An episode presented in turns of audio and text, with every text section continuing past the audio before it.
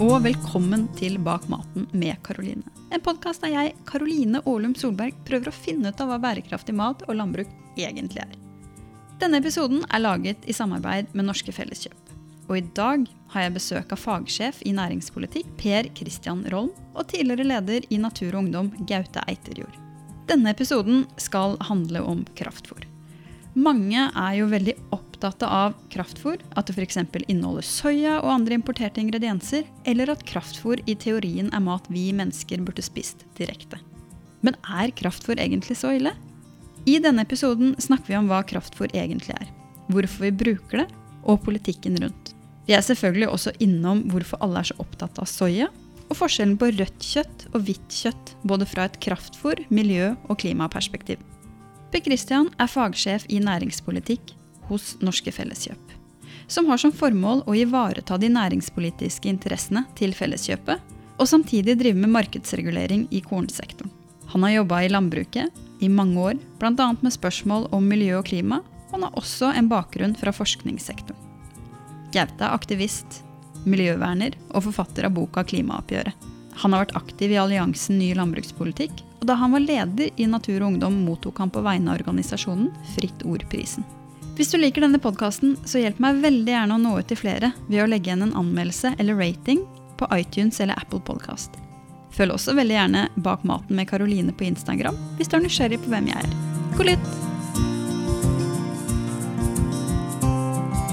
Det er jo noe med at felleskjøp er en del av det etablerte, ja, den etablerte jordbrukspolitikken. Ja, Så da skjønner jeg jo liksom at en må stå for å forsvare mer av det som er.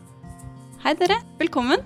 Tusen takk. Takk for det. Vi skal jo snakke om, eh, om kraftfôr i dag, og jeg har egentlig lyst til å um, stille kraftfôr litt grann til veggs. Kanskje uten at vi uh, går inn i en debatt her, da. Bare løfter, løfter fram kompleksiteten rundt dette med kraftfôr, for jeg, jeg tror det er veldig viktig.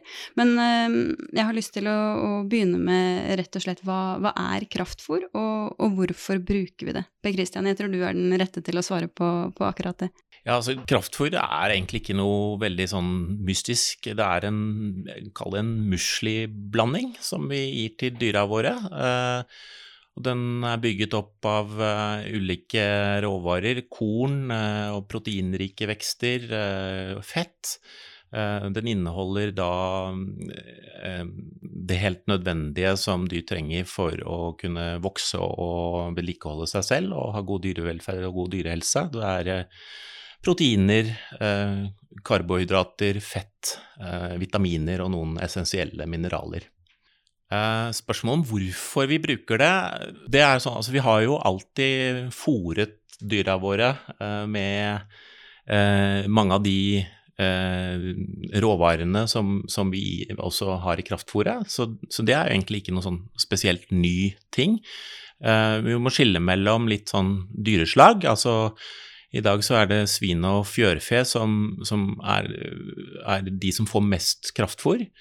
Og så for drøvtyggere så, så, får de eh, mest gras, og så får de kraftfôr som en sånn supplement i tillegg til det.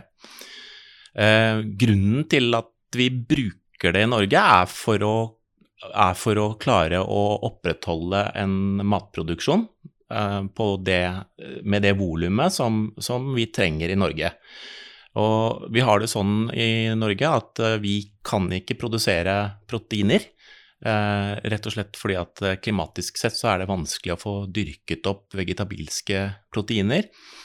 Og vi da står da egentlig valg mellom å kunne importere proteiner i form av dyr, altså mjølk og kjøtt og ost, eller vi kan importere proteiner i form av vegetabilske proteiner, som vi gjør i dag. Eh, og, så, og, så, har vi det i kraftfôret og gir det da til husdyra i Norge. Og på den måten så får vi brukt, får vi, hus, får vi utnyttet også eh, gras og korn som er norsk, til å produsere husdyrprodukter til den norske befolkningen. Dette høres jo vel og, og bra ut. Eh, Gaute, hva, hvorfor er folk egentlig så opptatt av kraftfôr?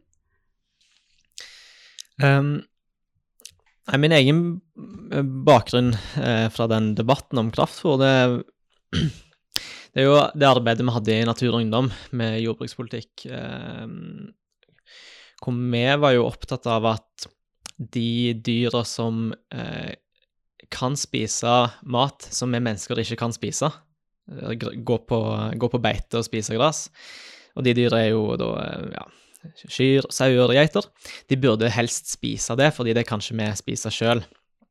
Så for oss så, så, ble det litt sånn meningsløst at vi skulle uh, ta menneskemat gjennom en dyremage for å lage menneskemat. Uh, vi burde heller ha de dyra til å spise ting vi ikke kan spise. For da, da kan vi jo kanskje legge til at det, det, forsvinner en del energi på veien, da.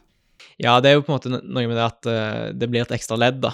Um, og det er klart, noe av det vi bruker til å lage kraftfôr, det vil, det vil ikke folk egentlig spise. Men mye av kornproduksjonen i Norge går jo til eh, dyrefôr.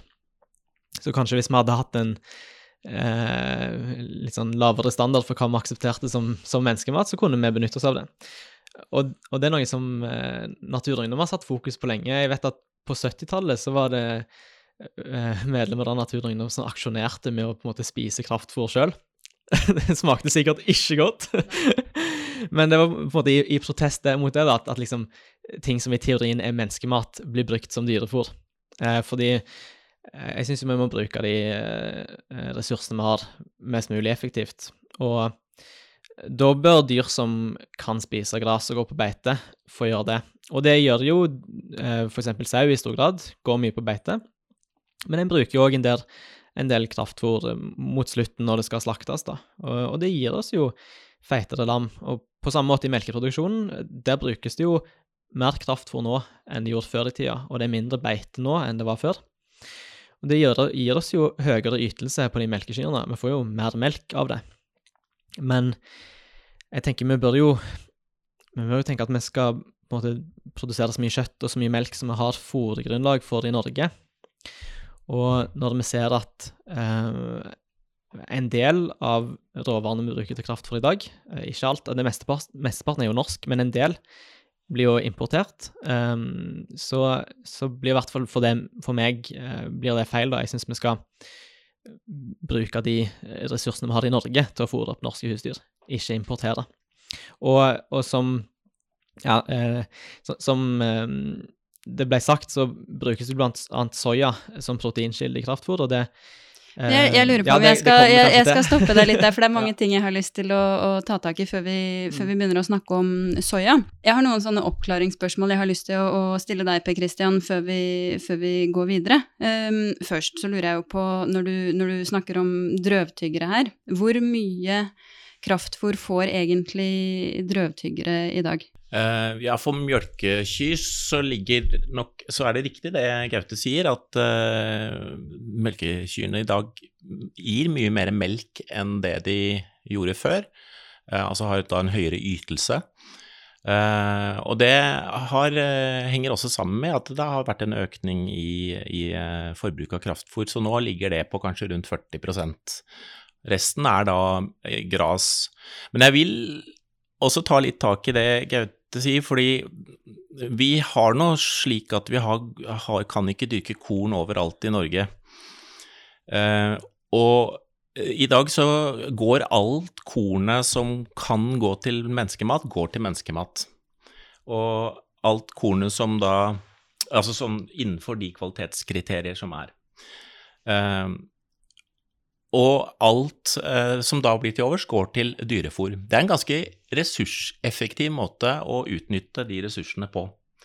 Og eh, det ender opp med at vi får da en norskandel eh, på fôret, på melkekyr, kanskje på en 80-82 og, er, eh, og målet er å øke det enda mer. Årsaken til at vi også importerer noe, er fordi vi ikke kan produsere alt i Norge. Altså, vi kan ikke produsere proteiner. Og hvis vi bare skulle fôret, fôret opp på gress, så ville produksjonen gått dramatisk ned. Altså, vi ville produsert mindre mat i Norge. Og det er også spørsmålet om er det bærekraftig? Altså, vi vet at verden trenger 70% mer mat innen 2050. Vi vet at det er eh, klimaendringer eh, som fører til at veldig mye areal rundt omkring i verden går ut av produksjon, og vi taper dem. IPCC sin landrapport er tydelig på at man vil få mat, altså sjokk i matvaresystemer allerede ved 1,5 grads oppvarming. I et sånt perspektiv jeg mener jeg det er helt avgjørende at vi opprettholder så mye produksjon som vi kan basert på norske ressurser. Ja, Det er jeg helt enig i, og det gjøres i dag. Det som importeres, er det vi ikke klarer å produsere selv, fordi vi rett og slett ikke har klima til å kunne produsere det. Men, men jeg har lyst til å, å, snu det litt. Fordi mange jeg snakker med, er opptatt av å redusere eh, kjøttforbruket sitt, og at når de først spiser rødt kjøtt, så er de opptatt av at det er fôra med mat som, som, mennesker ikke kan spise direkte, altså gress. Eh, samtidig så har det jo de siste åra blitt produsert mer melk i Norge enn det drikkes. Så, så det jeg lurer på, er, er egentlig Trenger vi da altså ekstra eh, kraftfôr til drøvtyggere? Altså trenger ytelsen å være så høy? Jeg er jo heller ikke helt sikker på om premissene for spørsmålet ditt er helt riktig. Altså, nå har vi hatt korona, og en ting som skjedde da, var jo at eh, grensehandelen stoppet. Og hva skjer da? Melkeforbruket spretter opp. Så Tine har faktisk måttet øke sin melkeproduksjon nå som følge av at folk handler i Norge. Eh, så vi har eh, Så, så, så det, det, er det ene. Og så var det spørsmålet ditt om eh, om alt skal være grasbasert. Altså sier jeg at ja, hvis alt skal være grasbasert, så vil det som følger da, det er at vi ikke utnytter kornarealene våre godt nok. Og 30% av all jordbruksareal som vi har i Norge, er korn. Eh, og ved å ikke utnytte kornarealet godt nok, så vil vi da antageligvis forflytte produksjonen, så vi får gras der hvor vi har korn, og vi får gjengroing, og vi vil produsere veldig mye mindre mat. Og det vil vi da gjøre som følge av, i en situasjon hvor verden trenger mer mat. Jeg syns eh, det blir problematisk ut fra et bærekraftig perspektiv. Og eh, i tillegg så vil jeg også liksom anføre det at eh, det, hvis man vil drikke mindre melk og, og spise mindre kjøtt, så, så er det fint, og det, altså det, må man jo velge selv. Og, og, landbruket i Norge produserer den mengden, har som mål å produsere den mengden som blir etterspurt i Norge. Så landbruket vil tilpasse seg det. Eh, men samtidig så skal man også gjøre det litt på rette premisser, og jeg vil jo si det at eh, hvis du tar en melkeku så produserer den både kjøtt og mjølk, og det betyr også at da klimaavtrykket per kilo produsert mat blir lavt. Altså det er konkurransedyktig med, med kylling. Så som et klimaprodukt eh, så er liksom storfekjøtt og melk eh, absolutt å anbefale. Så eh, eh, Og i tillegg så får man da noen ekstraeffekter, og det er det at eh, du har en beiting som foregår, og en høsting av gras. Veldig mye biologisk mangfold i Norge er knytta til disse områdene, så du er med på å ivareta naturmangfoldet. Det er liksom, rapporter er veldig tydelige på det, altså våre ledende fagmiljøer, på at eh, nettopp den bruken av landskapet som norske landbruket gjør, er det beste vernet for å ivareta biologisk mangfold i Norge. Så det er også naturvern å, å, å drikke melk og spise kjøtt. I tillegg så bruker vi da noen ressurser som eh, da hovedsakelig er gras, og ikke er i konkurranse med menneskeføde, så det er også, også en bra ting. Og så er du i tillegg med på å sørge for at vi har en næringsvirksomhet i hele landet, som gjør at vi da også, eh, når vi da ikke bare skal leve av oljen, har faktisk eh, næring, industri, og kan drive verdiskapning i hele landet. Og én ting er sikkert, det er at når oljen tar slutt, så må vi utnytte de biologiske ressursene bedre, og da er husdyra våre en nøkkel til det. Så øh, jeg vil jo si at øh, hvis du vil spise mindre kjøtt og melk, ikke gjør det av klimahensyn. Gaute, er det, nå har jo Per Kristian sagt mye her, er det, er det, noe du har lyst til å legge til? Um, jeg tror jo på en måte forbrukere blir jo uh, stadig mer liksom eh, nysgjerrige på hvor maten kommer fra, og hvordan den er produsert, og folk vil jo spise mer miljøvennlig. Og det er ganske mange fordeler, eh, som Per Kristian er inne på, med eh, beiting og bruk av gress. For eksempel mye artsrikt kulturlandskap er avhengig av at vi bruker det, at vi slår og har dyr på beite. Um, men så er jo noe, det jeg syns er problemet med jordbrukspolitikken i dag, at vi mister stadig eh, på en måte de, de jordteigene som er ja, kanskje litt vanskeligere å, å, drive. De gror igjen fordi ja, vi, vi, trenger de ikke lenger fordi vi kan få fôr på andre måter. Og det er på en måte at, at eh, matproduksjonen på gårdene blir mer løsrevet fra hva areal du faktisk har på gården din. Det, det syns jeg er et av de største problemene med jordbrukspolitikken. fordi da da gror arealer igjen, vi får ikke brukt de arealene vi har sjøl, og det er dumt for de artene som er avhengige av et uh, åpent kulturlandskap. Uh, og så syns jeg på en måte det, det er jo problematisk at vi skal uh, da kompensere med å ja, importere fôrråvarer fra andre plasser på kloden. Det er jo en del utslipp med å transportere det. Og de plassene det det, jeg tror på en måte det er ikke gitt at det alltid vil være mulig å, å importere de, den maten heller. Uh, måte, som, som Per Kristian er inne på, så risikerer vi at det blir Eller etter alt å dømme blir det vanskeligere å dyrke mat i framtida på mange av plassene som i dag står for mye av kornproduksjon, f.eks. Da må, må, vi bruke alle de arealene vi har, vi har sjøl. Og, og i Norge så er jo mange av de opparbeida gjennom lang tids bruk, men når det først har grodd igjen, så er det veldig vanskelig å få tilbake de ressursene. Og eksempel beiteressursene. De, de beite må jo på en måte opprettholde gjennom bruk. Hvis, eh, hvis krattskogen først kommer, så er det veldig vanskelig og mye jobb å få det tilbake. Så det jeg på en måte, det jeg skulle gjerne sett, var at vi fikk en ny jordbrukspolitikk som gjorde det mer lønnsomt å bruke de norske arealene, og de som var litt vanskeligere. For i dag så er på en måte ikke et tilskuddssystem med godt nok eller finmaska nok til å ta, gjøre det lønnsomt å bruke de mer bratt, brattlendte jordteigene, f.eks. Uh, så for et par helger siden for eksempel, var jeg på sauesanking i Flatdal i Seljord. Og Flatdal høres jo veldig flatt ut, men mange av gårdene der ligger veldig bratt til. Men de får samme tilskudd, de gårdene, som de som ligger på en måte på flata. Og det, jeg, jeg syns ikke det systemet gir helt mening, da. Eh, politikken burde være sånn at du, det du fikk tilskudd for å drive der det var vanskelig, ikke at det på en måte det var eh, like samme tilskudd om det var flatt som om det var bratt.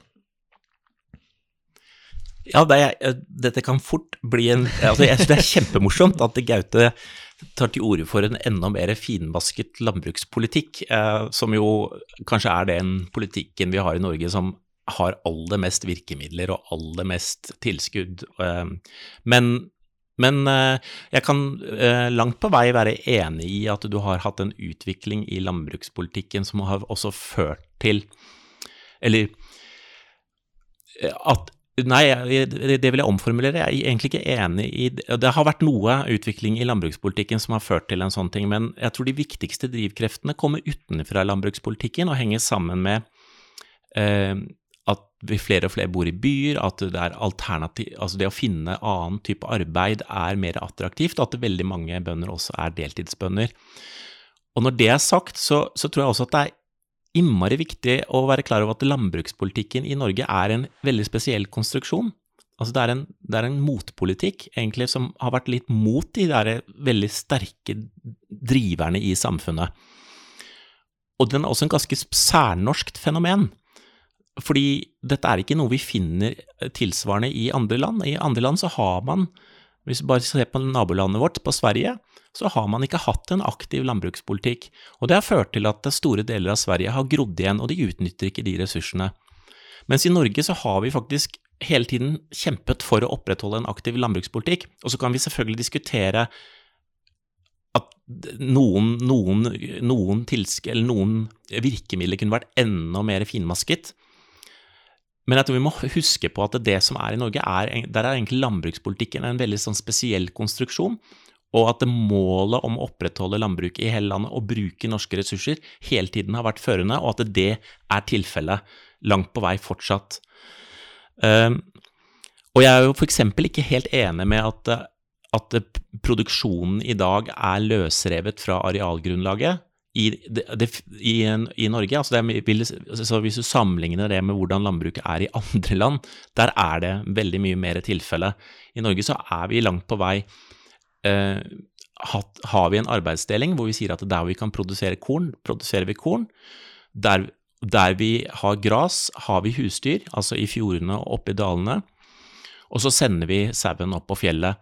Det er en veldig En produksjon, altså et helt produksjonssystem, hvor vi utnytter altså de nasjonale ressursene helt optimalt. Og hvor vi, hvor vi eh, er veldig knytta nettopp til de areal, arealressursene vi har. Innenfor det systemet så er det selvfølgelig mulighet til å gjøre forbedringer, men de store linjene er at det, det norske er spesielt eh, og, og, har vært en motpolitikk, og at vi skal heller liksom hegne om den og videreutvikle den, enn å si at det vi har holdt på med, ikke har fungert. For det, det mener jeg faktisk har fungert ganske godt. Ja, altså, det er, jo, det er jo for så vidt sant, det. Det er veldig mye som ennå funker. og på en måte som, Det er jo på en måte grunnen til at vi må ta vare på det norske jordbruket, at det, vi har klart det eh, ja, i stor grad så langt. Men men det er jo på en måte òg tilfellet i mange bygder at eh, der det før var mange bønder, så er det én igjen i bygda som driver alle jordteigene. Og på en måte de, de, Det fagmiljøet som bonden har, det forsvinner jo mange plasser, fordi det bare er én igjen. Eh, og da mister vi på en måte de, de arealene som ligger litt uh, vanskeligere til. Og um, jeg, jeg tror jo sånn Målet i jordbrukspolitikken er på en måte det målet som alle politikerne ser ut til å være enig i, er jo liksom hele landet i bruk. Men vi ser jo at det skjer i mindre grad enn, enn før. Fordi du har større og større bruk, eh, det produseres mer og mer. Fokuset, Jeg, jeg syns fokuset er på en måte mer nå på volum enn på, på, areal, og eh, det syns jeg blir feil fokus. Og det er jo eh, Selv om på en måte det er mye som er bra med Norge sammenlignet med Sverige eller med Danmark, eh, som har hatt en helt annen jordbrukspolitikk. Så er det òg andre land vi kan la oss inspirere av, f.eks. Østerrike eller Sveits, hvor det på en måte er litt mer sånn fokus på det om å bruke de, de bratte arealene, eh, og litt sånn stolthet i det, nesten. da. At det er det som er spesielt med landskapet vårt, det er det vi bruker. Jeg syns det, det, vi må gjøre i Norge òg, vi må være stolt av at her eh, får vi produsert mat. Og der det kanskje Eller på en måte det Hvis du sammenligner et, et norsk lite gårdsbruk inne i en dal med en sånn svær gård i, eh, i Polen, f.eks. Det er jo veldig forskjellig, men, men, det er òg en del fordeler med det. da. Vi har eh, lite antibiotikabruk i Norge, vi har lite problemer med dyresykdommer.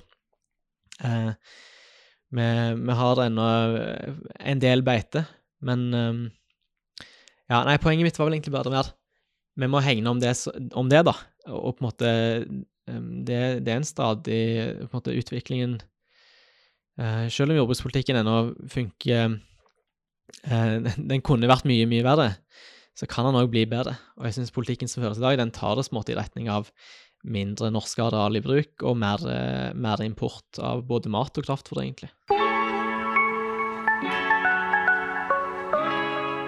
Jeg bare tar den. Per Kristian var jo inne på, på, dette med kanaliseringspolitikken her og arbeidsfordelinga i, eh, i, landbruket. Jeg vet du har noen tanker om liksom den, eh, det økologiske perspektivet i det. Kan ikke du, kan ikke du dele, dele, det med oss? Ja, eller Først kanskje vi bare skulle sagt hva kanalisering var. Eh, fordi det er jo litt sånn Kanaliseringspolitikk er jo et sånn ord du får høre hvis du begynner å interessere deg for, interessere deg for jordbrukspolitikk. Og eh, hvis du jeg føler ofte at sånn, hvis du ikke er enig i det, eller har uh, lest deg opp på det, så blir du litt sånn Nei, da, da har du ikke skjønt det.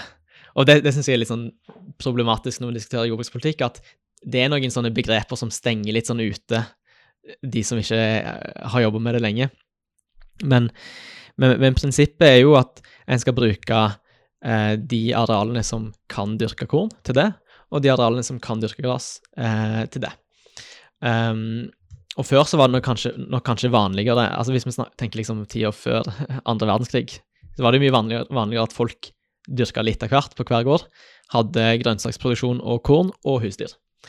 Og så eh, på en måte siden den gang så har det på en måte blitt mer Nå, nå, nå forklarer jeg sånn som jeg skjønner det, da, så får Kristian legge til etterpå. Men uh, måte siden andre verdenskrig så har vi jo retta det mer mot at det skulle bli mer intensivt med korn uh, der det var mulig, og så har vi eh, husdyrproduksjonen de andre plassene. Og jeg syns jo for så vidt det, det, er et, det, er et, bra prinsipp eh, at vi har en sånn arbeidsdeling i det norske jordbruket. Og så på en måte det, kan det ha ulemper òg. Det er nok en del eh, altså Kornproduksjon er òg noe som Hvis du har for mye av det for lenge, så utarmer det jo jorda. Det tilfører ikke noe mer organisk materiale til jorda å drive med korn. Så det er jo viktig på en måte å variere, ha vekstskifte, passe på at du, eh, du får mer organisk næring i jorda òg. Um, og så så det er på en måte en ulempe som jeg tror det er viktig å, å bøte på, at, at vi òg tenker på jordhelsa. Uh, og så er kanskje en annen ulempe at når vi sprer produksjonen på den måten, så får vi kanskje veldig mye husdyrgjødsel der vi har husdyr, og for lite husdyrgjødsel der vi ikke har det. Um, og det er på en måte et, et problem en ser på Vestlandet i dag. Det er veldig mye husdyrgjødsel. Uh, og uh, i veldig sånn grove trekk så er det kanskje for lite på Østlandet, og vi bruker mye kunstgjødsel. Så jeg tror jo det er viktig med mangfold i matproduksjonen, da. At uh, du Kanskje vi må med, mens, mens, vi bør holde på den arbeidsdelingen, men vi bør kanskje òg litt tilbake til den gamle tankegangen om at vi har noen husdyrdrag der vi produserer korn, sånn at vi kan få spredt husdyrgjødsel og på en måte tilbakeført næringsstoffene i jorda på den måten. Fordi selv om korn eh, Det er veldig viktig å ha mye kornproduksjon i Norge, men det er jo òg noe som utarter med jorda, så vi må passe på at vi òg tar vare på, eh, på helsa til jorda, rett og slett. Eh, altså Når det gjelder det med at vi har overskudd av, eh, no, av husdyrgjødsel, noe husdyrgjødsel på, på, Vestlandet, så er, så er det riktig. Eh, og det er eh, eh, Jeg vil ikke si at det er et veldig stort problem, men det, er, men det er jo ikke ønskelig at det skal være sånn. Eh, altså så lenge vi ikke alle sammen bor på en gård uh, og, og, sirkulerer alle næringsstoffene der, så vil vi ha forflytninger av næringsstoff i et samfunn. Og den største forflytningen av næringsstoffer som vi har i et samfunn i dag, er jo alle næringsstoffene som vi inntar i form av mat, og velger å bo i byer og slippe dem ut der. Vår, vår avføring er kanskje den største forskyvningen av næringsstoffer, det største tapet av næringsstoffer som vi, vi, har i samfunnet i dag. Og det er klart, hvis vi virkelig vil ta på alvor det å sirkulere næringsstoffer, så er jo det et mye større utfordring det enn at vi har litt for mye husdyrgjødsel på Vestlandet. Så, så jeg, jeg, jeg syns det er viktig å ha med seg det, det perspektivet når vi Altså hele, hele systemet. Vi mennesker er også en del av dette systemet eh, og hvordan vi bruker de ressursene vi har, som også da er vår avføring, det, det, det, har noe å si for sirkulasjonen av næringsstoffer i hele matsystemet. Og Gaute, du nevnte jo soya innledningsvis. Mm. Kan ikke du ta oss litt uh, inn i den, uh, den problematikken? Mm. Nei, for Som Per Kristian er inne på, så trenger en jo en proteinkomponent i kraftfôret. Um, og, og, der er det jo på en måte soya som funker best i dag. Veldig mye protein. Um, mesteparten av det vi bruker i Norge, er jo importert fra Brasil. Så jeg tenkte jeg bare kunne si litt sånn overordna om soyaproduksjon i Brasil. Uh, for det er Eller først litt om Brasil, egentlig. For det er jo et land med veldig skeiv uh, skjev fordeling av eierskap til jord. Veldig liten andel av befolkningen eier veldig mye av jorda. Og Eh, de soyaplantasjene er på en måte et eksempel på de liksom, svære, gedigne plantasjer som sånne jordbaroner sitter på. Og eh, mye av produksjonen blir det brukt eh, mye sprøytemidler i. Eh, det er en liksom monokultur som i mange tilfeller har fortrengt lokale bønder. Eh, og, og, de sprøytemidlene er skikkelig giftige. Sånn at soyaproduksjon i Brasil, sånn generelt sett, eh, vil jeg ikke si er noe særlig bra verken for folk eller naturen. Og så er det sånn at det, den soyaen vi importerer til Norge, er jo sertifisert. Så det er på en måte litt forskjell på soyaproduksjonen i Brasil og soyaproduksjonen i Brasil. Um, og, og på en måte hvis vi går ut ifra at de sertifiseringsordningene er gode, så kan, kan vi kanskje ikke si at soyaen vi bruker i norske kyr, den har ført til masse avskoging eller masse oppdyrking av savanne. Eh, det er det kanskje andre soyaprodusenter der som står for. Men eh, jeg vil jo på en måte si at den soyaimporten vi, vi holder på med, er likevel problematisk fordi, vi er med på å opprettholde en etterspørsel etter soya.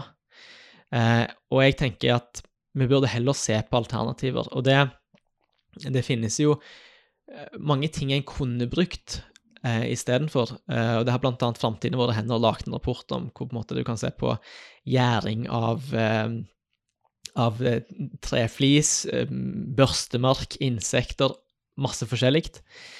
Eh, det er nå på en måte litt sånn på forskningsstadiet, men jeg syns det er veldig viktig at vi jobber med å finne alternativ. Og så kan jo en konsekvens være at vi må akseptere mindre protein, og at vi ikke får produsert like mye. Men jeg tenker at det er Litt tilbake til det jeg var innom om eh, i starten, så syns jeg vi bør produsere så mye kjøtt og melk i Norge som vi har ressurser til sjøl. Så da må vi kanskje produsere mindre kjøtt og melk hvis vi ikke kan importere like mye. Um, men på en måte, hvis vi ser historisk på det, så har vi jo vi har jo klart å drive med melkeproduksjon i Norge òg før vi importerte soya fra utlandet. Men da var det mindre melk, eller det var flere kyr, men de melka mindre. Uh, sånn at uh, Men jeg tenker sånn, det, det, er kanskje noe vi må akseptere, fordi um, ja, Per Kristian nevnte jo tidligere at FNs klimapanel har jo kommet med en rapport om, om uh, land og klima. Og den sier at vi, vi er nødt til å, måte, å tenke på hvor mye plass vi trenger til matproduksjonen vår i dag, hvis vi skal ta vare på klimaet og naturen. Og um, da tror jeg på måte en av tingene vi er nødt til å gjøre, det er bruke mindre områder som kan dyrke menneskemat, og mindre menneskemat til husdyrfôr. Eh, og i Brasil så sliter jo folk med å brødfø sin egen befolkning, selv om de egentlig har et veldig stort land, masse plass til å dyrke mat. Men når så mye av produksjonen blir brukt, brukt måte, som eksport til land som Norge og andre, da, så, så er jo det usolidarisk for, uh, for brasil, brasilianske innbyggere. Per Christian, jeg vet at du, du, har et helt annet perspektiv på, på dette med den, den, soyaen vi bruker i, i, Norge. Vil du dele? Altså, Gaute har jo rett i at det er masse sider ved soyaproduksjon i Brasil som er problematisk. Uh, uh, og det er jo noe som uh, norske bønder har vært svært opptatt av. Uh, og derfor så har man stilt ganske, eller veldig strenge krav til hva slags produkter vi skal importere fra Brasil. Og Norge er i dag det eneste landet som kan si at eh, de har en, sert, altså en sertifisert, eh, anerkjent sertifisert eh, fra en objektiv tredjepart, og som det blir lagd rapporter, internasjonale rapporter om, at vi har da altså en en, en, eh, en eh, soyaimport som ikke bidrar til regnskogshogst, og heller ikke bidrar til, og også er GMO-fri. Det er 4000 småbønder som leverer. Leverandøren har kjempe kontroll på plantevernmidler. Eh, går, det er ingenting som overskrider grenseverdien. Der tas stikkprøver. Det er landsbyutviklingsprogrammer for småbønder. Det er, eh, det er eh, Så her Man må også huske på at soyaproduksjon er faktisk et levebrød for ganske mange i Brasil. Det er storbønder, men alle er jo ikke det. Og da blir jo spørsmålet skal de få lov til å produsere soya i Brasil i det hele tatt, eller, og i så fall hvordan skal det skje? Og Hvis man mener at det, er greit at det er, noe, at det er soyaproduksjon i Brasil, men det må skje på den måten at det ikke går på bekostning av regnskog, at det ikke eh, utarmer uh, jorda, at det ikke man bruker for mye plantevernmidler, at det kommer lokalbefolkningen til gode Hvis de premissene er oppfylt, så mener jeg at da må det kunne være lov for Brasil å produsere eh, GMO Eller nei, unnskyld, eh, soya. GMO-fri soya. Eh, og blir, jeg syns det blir litt sånn der ilandsperspektiv at vi skal sitte i Norge og si at uh, et annet land ikke skal få lov til å produsere en vekst som har ekstremt gode forutsetninger for å vokse der. Altså, vi snakker om tre avlinger i året, ekstremt eh, proteinrike vekster, som er en fantastisk fòrkilde, og også fantastisk menneskeføde. Eh, så hvis det kan skje på en bærekraftig måte, hvorfor skal de ikke få lov til det? Og vi kan jo da dokumentere at det vi bruker i norsk fôr, er bærekraftig. Og så mener jeg det er en annen spørsmål om vi da skal eh, som land vil liksom være basert på å importere proteiner, som vi da må. Så hvis man liksom aksepterer at det er en bærekraftig produksjon som vi importerer, eh, men allikevel så kan vi si at eh, jo, men det er, altså det er proteinunderskudd i verden. Vi må finne andre proteinkilder. Det er vi helt enig i, og der ligger jo vi langt framme. Altså, landbruket har jo flere strategier. Ene, de forskningsprosjektene eh, som Gaute snakket om, er jo initiert og, og drevet av landbruket. Nettopp det å få sopp, enzymteknologi, til å kunne utnytte eh, treflis, tang, eh, andre type bioressurser til å gjøre det til fôr. Vi har til og med fôra opp kylling på dette eh, og får det til å, å, å, fungere. Vi har ikke fått prisen ned ennå, men vi får det til å fungere.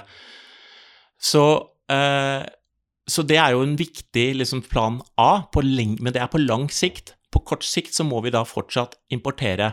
Men vi kan fortsatt gjøre noe på kort sikt, og det er jo da å øke kvaliteten på det graset som vi dyrker.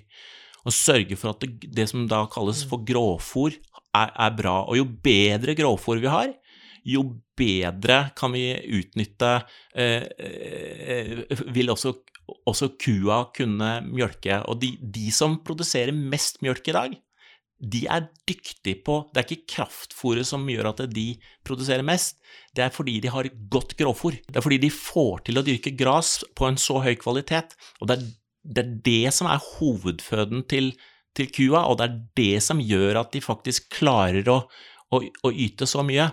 Så jeg opplever at det er, det, det er viktig å ha med seg at, at det jobbes godt i norsk landbruk for å utvikle eh, fòrseddelen sånn at man har min, mest mulig basert på norske ressurser, og at det langsiktige målet er å bli mer eller mindre uavhengig av, av, import, men at så lenge vi må importere nå, så skal vi sørge for at det er bærekraftig.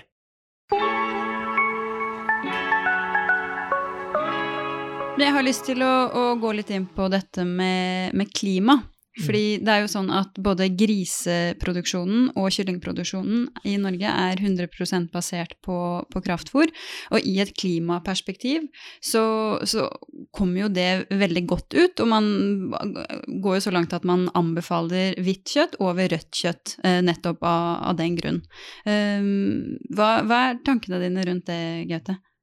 Um, nei, det er på en måte Eh, hva som er mest eh, miljøvennlig å spise, det kommer jo litt an på hva du mener er miljøvennlig. Hvis du vil ha lavest mulig utslipp, så er det jo sant at hvitt kjøtt det er ikke noen metangasser fra Eller en, kylling står ikke og raper metan sånn som ei ku gjør. Det blir mindre utslipp av det. Men for meg så handler det litt om på en måte hva Det handler ikke bare om hva utslipp som kommer, men det handler om hva fôr de dyra har spist. Um, Sånn at på en måte En kylling har jo bare spist kraftfôr, som i på en måte prinsippet er det samme som å spise menneskemat. Um, mens en sau eller ei geit eller ei ku har spist mye mer gress, gått mye mer på beite, spist ting vi mennesker ikke kan spise. Uh, kan ha vært med på å opprettholde artsrikt kulturlandskap. Um, brukt areal som vi ikke kan bruke til andre ting. Jeg syns det er viktig òg, Sånn at på en måte, I mitt eget kosthold så er det egentlig det hvite kjøttet jeg prøver å ligge unna, uh, og ikke spise svin eller kylling. og egentlig, Nå spiser jeg ganske lite kjøtt, men det kjøttet jeg spiser, det prøver jeg alltid liksom, jeg prøver alltid å finne noen kjøtt som har spist mest mulig gress, eller gått mest mulig på beite.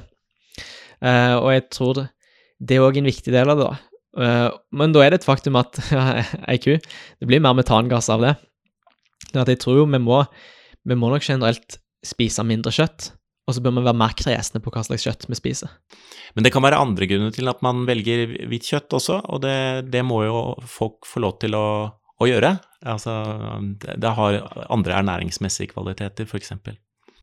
Men jeg har lyst til å stille et litt sånn idiotspørsmål. Fordi både kylling og gris kan jo spise egentlig det jeg ser på som vanlig mat. Da. De kan spise uh, matrester, matsvinn, sånne ting som vi egentlig har mer enn nok av. Hva er det som står i veien for at vi kan gi kylling og gris uh, helt vanlig mat? Nei, altså jeg, jeg hvis man ser på IPCC sine rapporter, eller nei, FAO sine rapporter er det, så, så, sier de jo det at matsvinn er kanskje det aller største problemet vi har. Hadde vi klart oss å fått bukt med matsvinnene, så hadde vi også hatt enormt gode klimaeffekter. Eh, og jeg mener absolutt at vi burde ha som mål å kunne fått liksom, sirkulert det mer og utnyttet de ressursene mye bedre, også til fjørfe og svin. Men det er en del problemstillinger som man må ha med seg når man skal lage et fôr til dyr. Altså, det må være sykdomsfritt, det må være eh, fri for forurensninger, tungmetaller. Altså, det må være sortert veldig godt, det kan ikke være plast i det. ikke sant? Altså, og det er dessverre mye sånn fraksjoner så i, i eh, eh, Når man sirkulerer matsvinn, som kan være veldig skadelig for dyr å få i seg. Eh, så må det være godt ernæringsmessig innhold i det, som gjør at de faktisk vokser sånn som det er.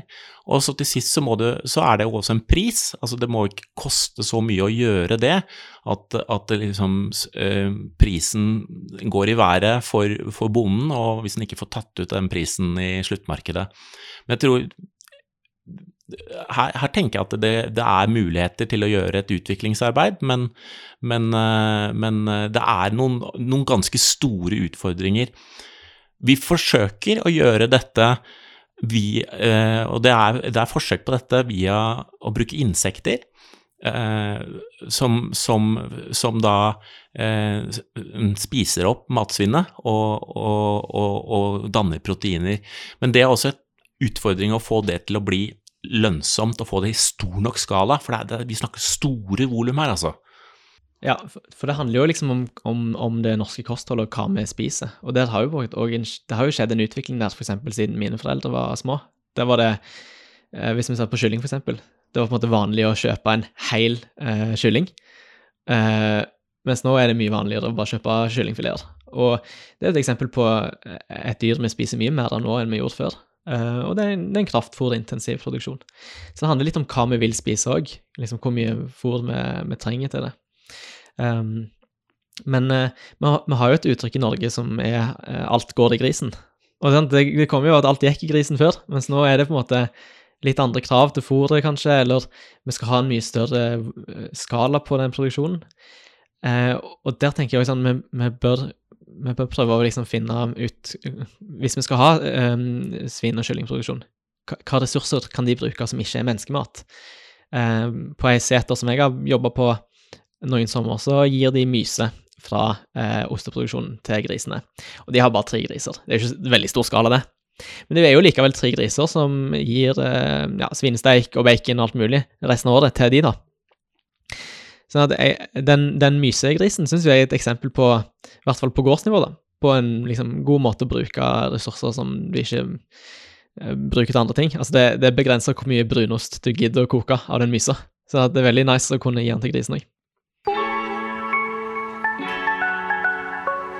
Vi begynner å, å, måtte gå inn for, for landing her, uh, men jeg har noen spørsmål jeg har lyst til å, å avslutte med. Men jeg har lyst til å begynne med Uh, Gaute, vi, vi, har jo snakka om uh, mye om kraftfôr nå. Uh, men hva, er jo, ting er jo ikke svart-hvitt, egentlig. Hva, hva, tenker du er fordelene med kraftfôr? Nei, Rent praktisk så har jo den fordelen jeg har erfart med kraftfôr, er at når du skal sanke sauene inn til å sortere dem, så kommer de mye lettere hvis du har ei bøtte med kraftfôr. jeg tror det er mye lettere enn å bare stå med en grasbunt. Ja. Nei, men Fordelen er jo at det er, det er mye energi eh, i, i, det fôret, da. Så du, du, får jo mye mat ut av det. Det er jo en grunn til at vi, vi bruker det. Eh, så, sånn at jeg tenker det er jo ikke noe problem med kraftfôr så lenge det er eh, mat som, som, ikke hadde brukt til andre ting. Og det er jo, det jo tilfellet med mye av det som er råvaren i kraftfôr i dag. Og hvis vi kunne lagd det av nye ting som vi ikke spiser, f.eks.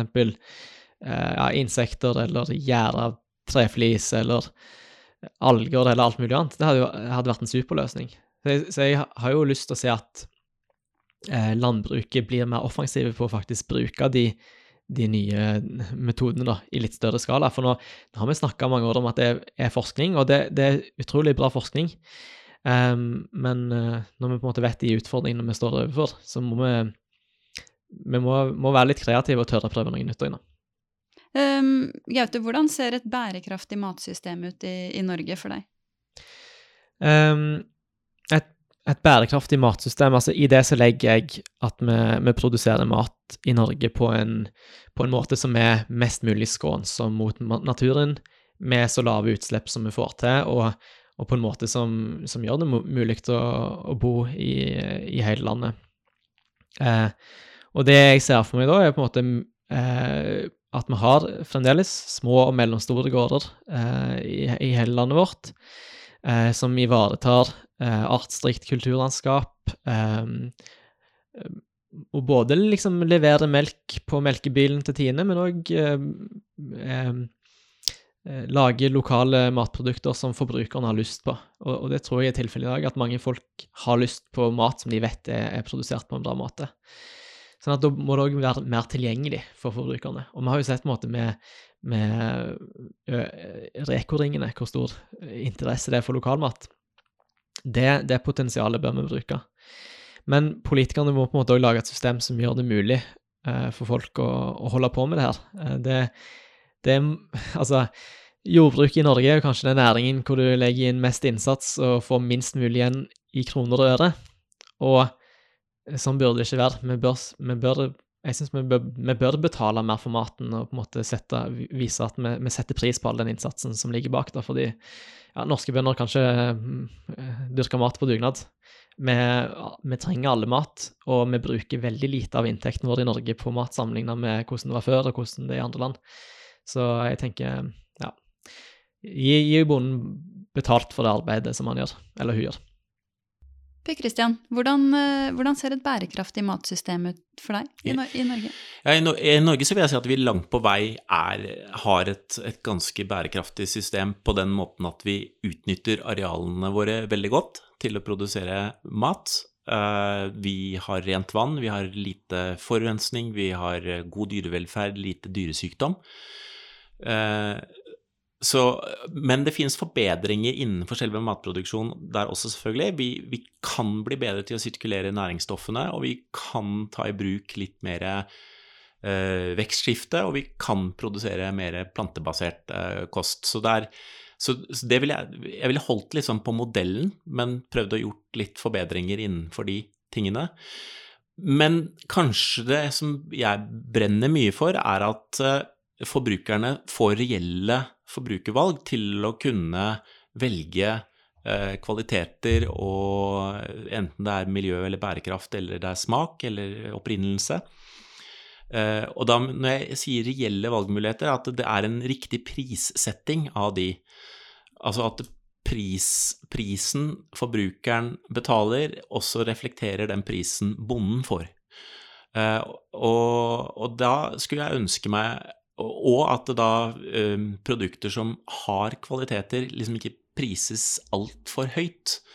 Eh, og at kanskje pris, eh, produkter som i dag prises altfor lavt, blir litt mm, dyrere. Og hvordan får vi til det? Da må vi forstå hvordan makta i verdikjeden fungerer, og hvem som setter pris. Og i dag så er det sånn at prisen er styrt fra bonden. Men uh, i møtet mellom leverandør og dagligvare, og i dagligvare, så skjer det uh, veldig mye annen prising. Særlig i dagligvare så er det et utstrakt bruk av å prise uh, på, på, tvers av kategorier mat, av matvarer. Hva, hva betyr det? at man kanskje selger produktene for langt under det man kjøpte dem for, eller at man tar og setter prisen opp for eh, langt høyere pris enn det, det, det man kjøpte det for. Og, så jeg skulle ønsket meg en mer riktig prising i eh, siste leddet, særlig. Det tror jeg hadde vært uh, gitt bedre muligheter for forbruker til å gjøre valg. Og så vi, og så ønsker jeg meg også at vi får innført gode ordninger for Eh, altså I dag har vi en enorm mye teknologi og veldig mye data rundt hvordan vi produserer mat, og at vi kunne fått bygget opp eh, systemer som gjorde at dette også ble vist på de matproduktene som kom, sånn at eh, forbrukeren kunne vite hva, hvordan den er produsert, og i og for seg hva slags klimautslipp dette representerer, og, og, og, og andre kvaliteter ved, ved produktene. Det kan hende vi er litt inne på det nå, men, eh, men hva gjør deg sint? Ja, nei, hvis vi snakker om, om, det, om mat, så er noe av det som gjør meg frustrert, er at det er eh, vanskelig for forbruker å gjøre gode valg. Jeg skulle ønske det var enklere eh, for forbrukere. Så det, det, det, kjenner jeg opprører meg, og jeg skulle ønske at det var en større sammenheng mellom den prisen jeg betalte for, for produktene, og det, den prisen bonden fikk. Og Gaute, hva, hva gjør deg sint? Det er jo litt sånn ansvarsfraskrivelse eh, når politikerne på en måte sier én ting og gjør noe helt annet. Eh, når de sier de vil bry seg om, om, om å løse klimakrisen og gir masse tillatelse til oljeboring. Eller sier de er opptatt av å ta vare på matjorda, men gir tillatelse til nye motorveier som raserer den. Det, det gjør meg sint og frustrert. Og hva gir deg håp? Det som gir meg håp, er jo på en måte å være med andre som er engasjert for det samme som jeg er, da. Eh, om det liksom er miljøbevegelsen eller eh, i Blant de bøndene jeg kjenner som, som står på, og, og legger ned veldig mye innsats for at liksom dyra sine skal ha det bra, eller at de skal ta godt vare på, på jorda si. Det, det, inspirerer meg å se andre folk som, som bryr seg og engasjerer seg. Eh, og det, det, det, store problemet i samfunnet vårt er jo likegyldighet, at folk ikke bryr seg om at uh, naturen eh, blir bygd ned, eller at uh, uh, ja, at folk skal ha så billig mat som mulig. Det er det som er problemet, likegyldigheten. Og, og, det at folk på en måte er engasjert og står på, det er det som inspirerer meg og gir meg håp. Og helt til slutt, Per Christian, hva gir deg håp? Ja, for meg så er det er et veldig sterkt håp at det er et sånt økende interesse rundt mat og miljø, klima. Dette er kjempeviktige spørsmål eh, som sier veldig mye om eh, hvilken utvikling samfunnet tar. Altså synet vårt på rett og slett natur, som da mat er. Altså mat er egentlig natur som vi, som vi alle sammen er avhengige av. Og synet vårt på annet levende, det uttrykker vi også gjennom matvalgene våre. Eh, så jeg tror at eh, det engasjementet er et veldig viktig steg i retning av et mer bærekraftig samfunn. Så det gir meg håp. Tusen takk for at dere kom. Ja, tusen takk for å få lov til å komme. Det var veldig morsomt. Mm, takk for at jeg fikk være med. Denne episoden er laget av meg, Karoline Aalum Solberg, i samarbeid med Norske Felleskjøp. Musikken er produsert av Creo og Liro Sever. Om du vil dele ris eller ros, så finner du meg på Instagram under Bak maten med Karoline og på karoline.bakmaten.no. Tusen takk for at du hørte på denne episoden, og husk at det utgjør en stor forskjell om du legger igjen en anmeldelse eller rating på Apple Podcast eller iTunes. Vi høres igjen neste uke. Ha det!